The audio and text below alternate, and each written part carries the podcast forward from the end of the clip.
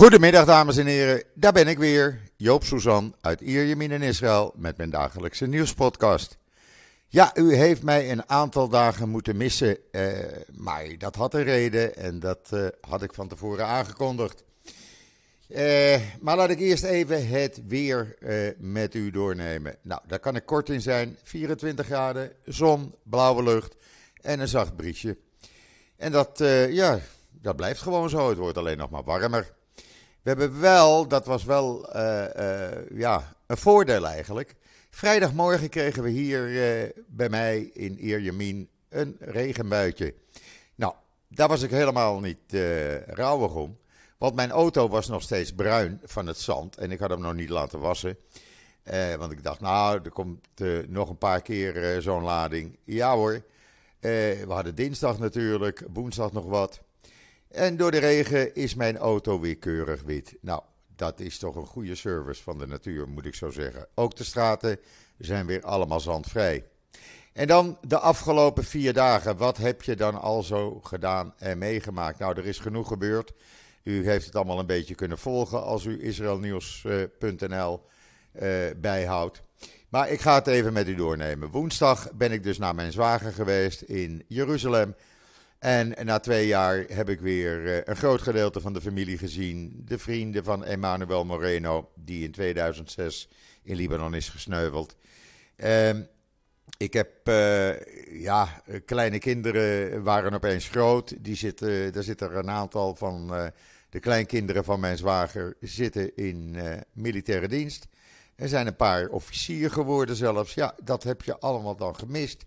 Maar dat konden we weer ophalen. Het was erg druk, zo'n 150, 200 mensen waren er. het werd buiten in de tuin rond zijn appartement gedaan. En ja, ik ben blij dat ik geweest ben. En dan was woensdagavond natuurlijk een uh, fantastische onafhankelijkheidsshow op televisie. Altijd weer leuk om te kijken. En donderdagmorgen, nou, ik ben op mijn uh, balkon blijven zitten, want de vliegtuigen vlogen gewoon voorbij. Informatie. Daar hoef ik niet voor naar het strand, want ik kon ze gewoon hier zien. En ze gingen eerst naar het noorden toe en kwamen een uurtje later vanuit het noorden weer langs de kust terug richting Tel Aviv, waar ze een grote show gingen opvoeren. Daarna een barbecue, want dat hoort er ook bij natuurlijk.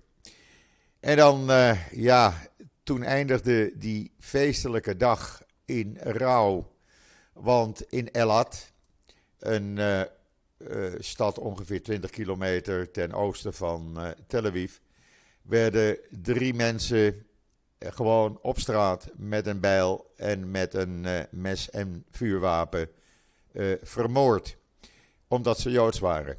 Twee jonge Arabieren uit de buurt van Jenin in de Palestijnse gebieden. Die hadden daar gewerkt in die stad. Die waren daar bekend. En die hadden de avond van onafhankelijkheidsdag uitgekozen om eens even wat Joden te gaan vermoorden. 16 kinderen hebben daardoor geen vader meer. Het bleek achteraf dat één van de vermoorde mannen,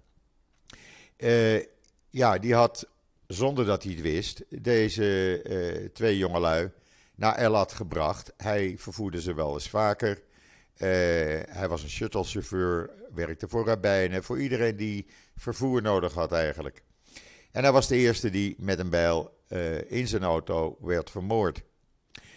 Er is nog steeds een hele grote jacht op, hun, op die jongens bezig. Men heeft ze nog niet gepakt. Er is wel een soort van testament gevonden. En wat blijkt daaruit? Dat ze, ja, ze zijn bewerkt door meneer uh, Silvan, de Hamas-leider in Gaza.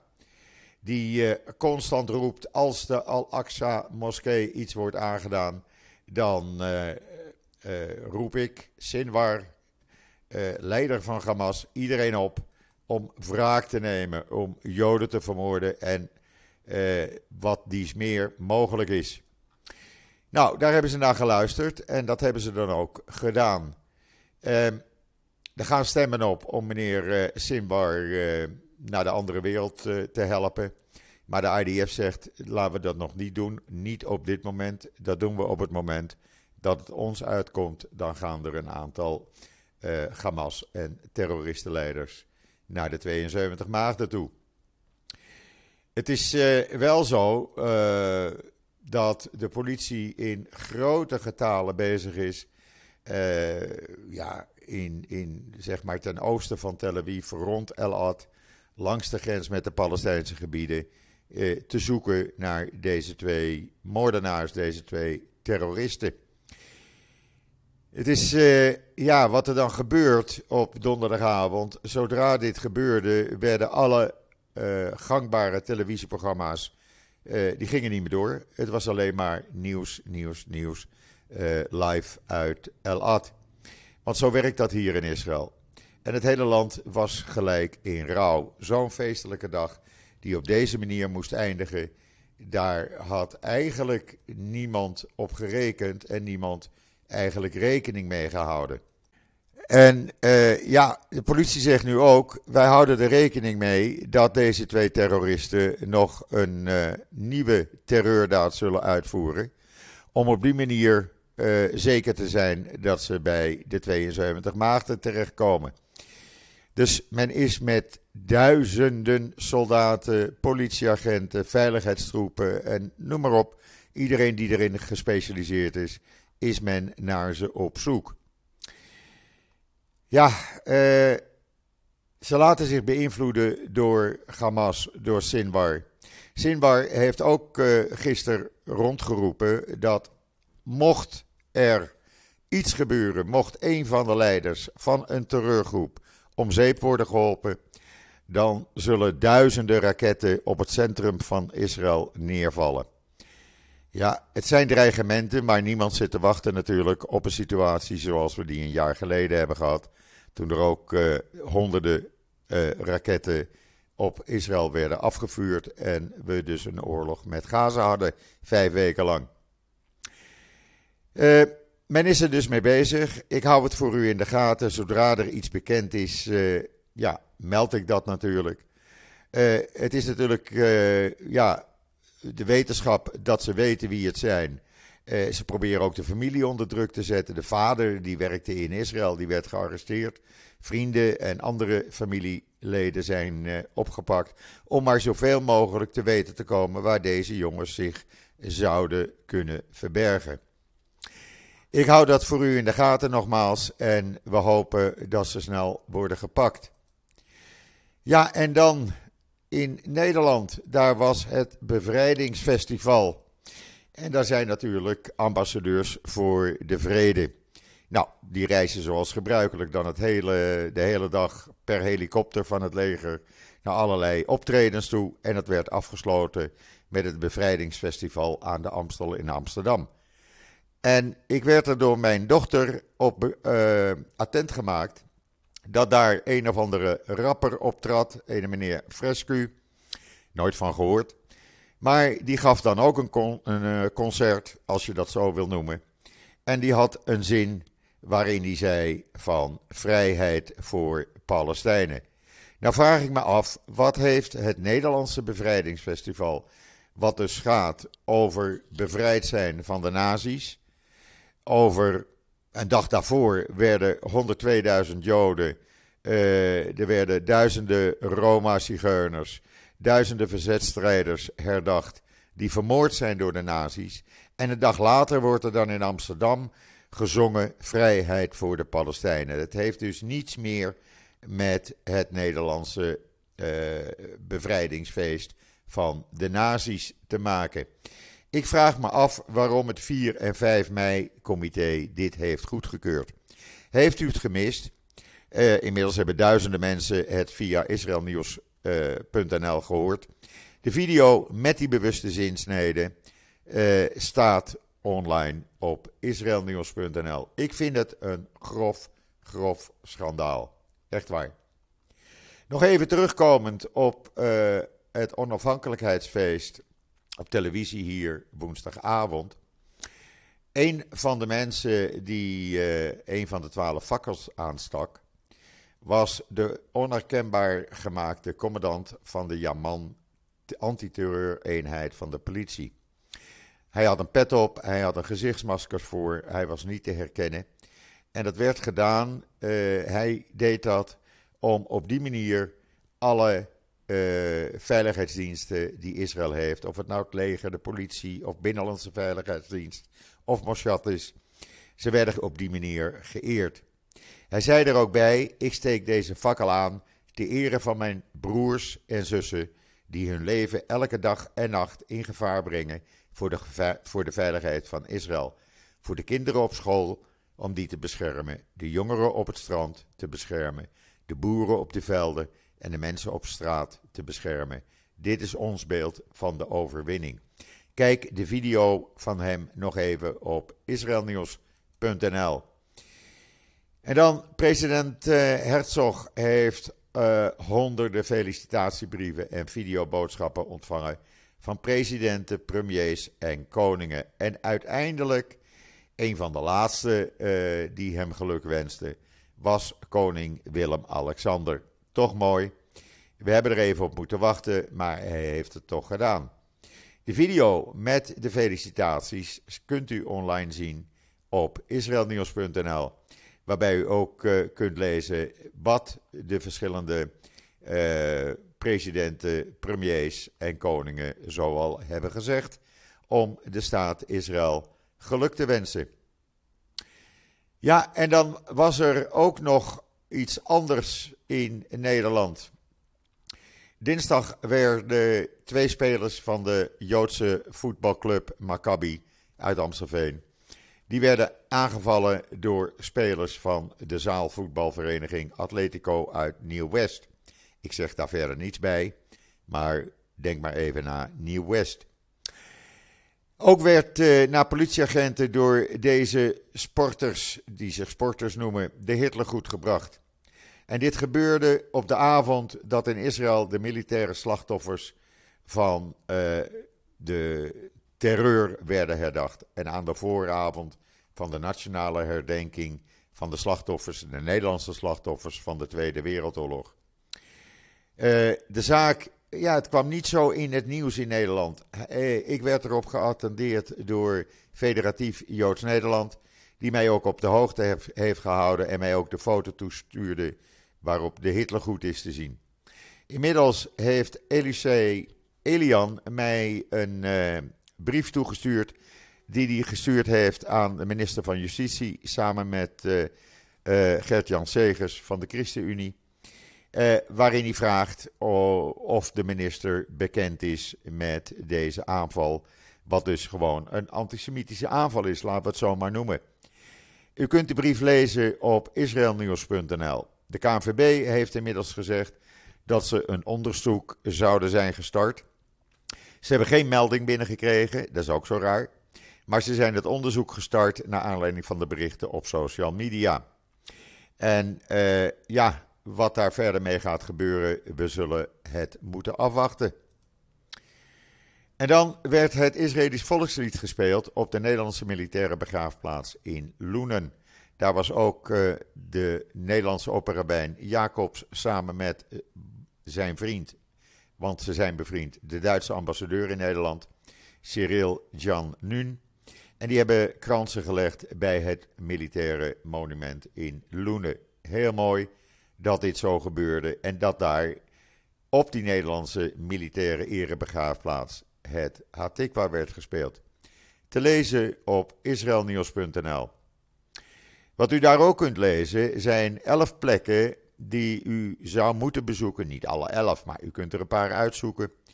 Die belangrijk zijn geweest voor de onafhankelijkheid van Israël. Er zijn elf plekken in, uh, in Israël.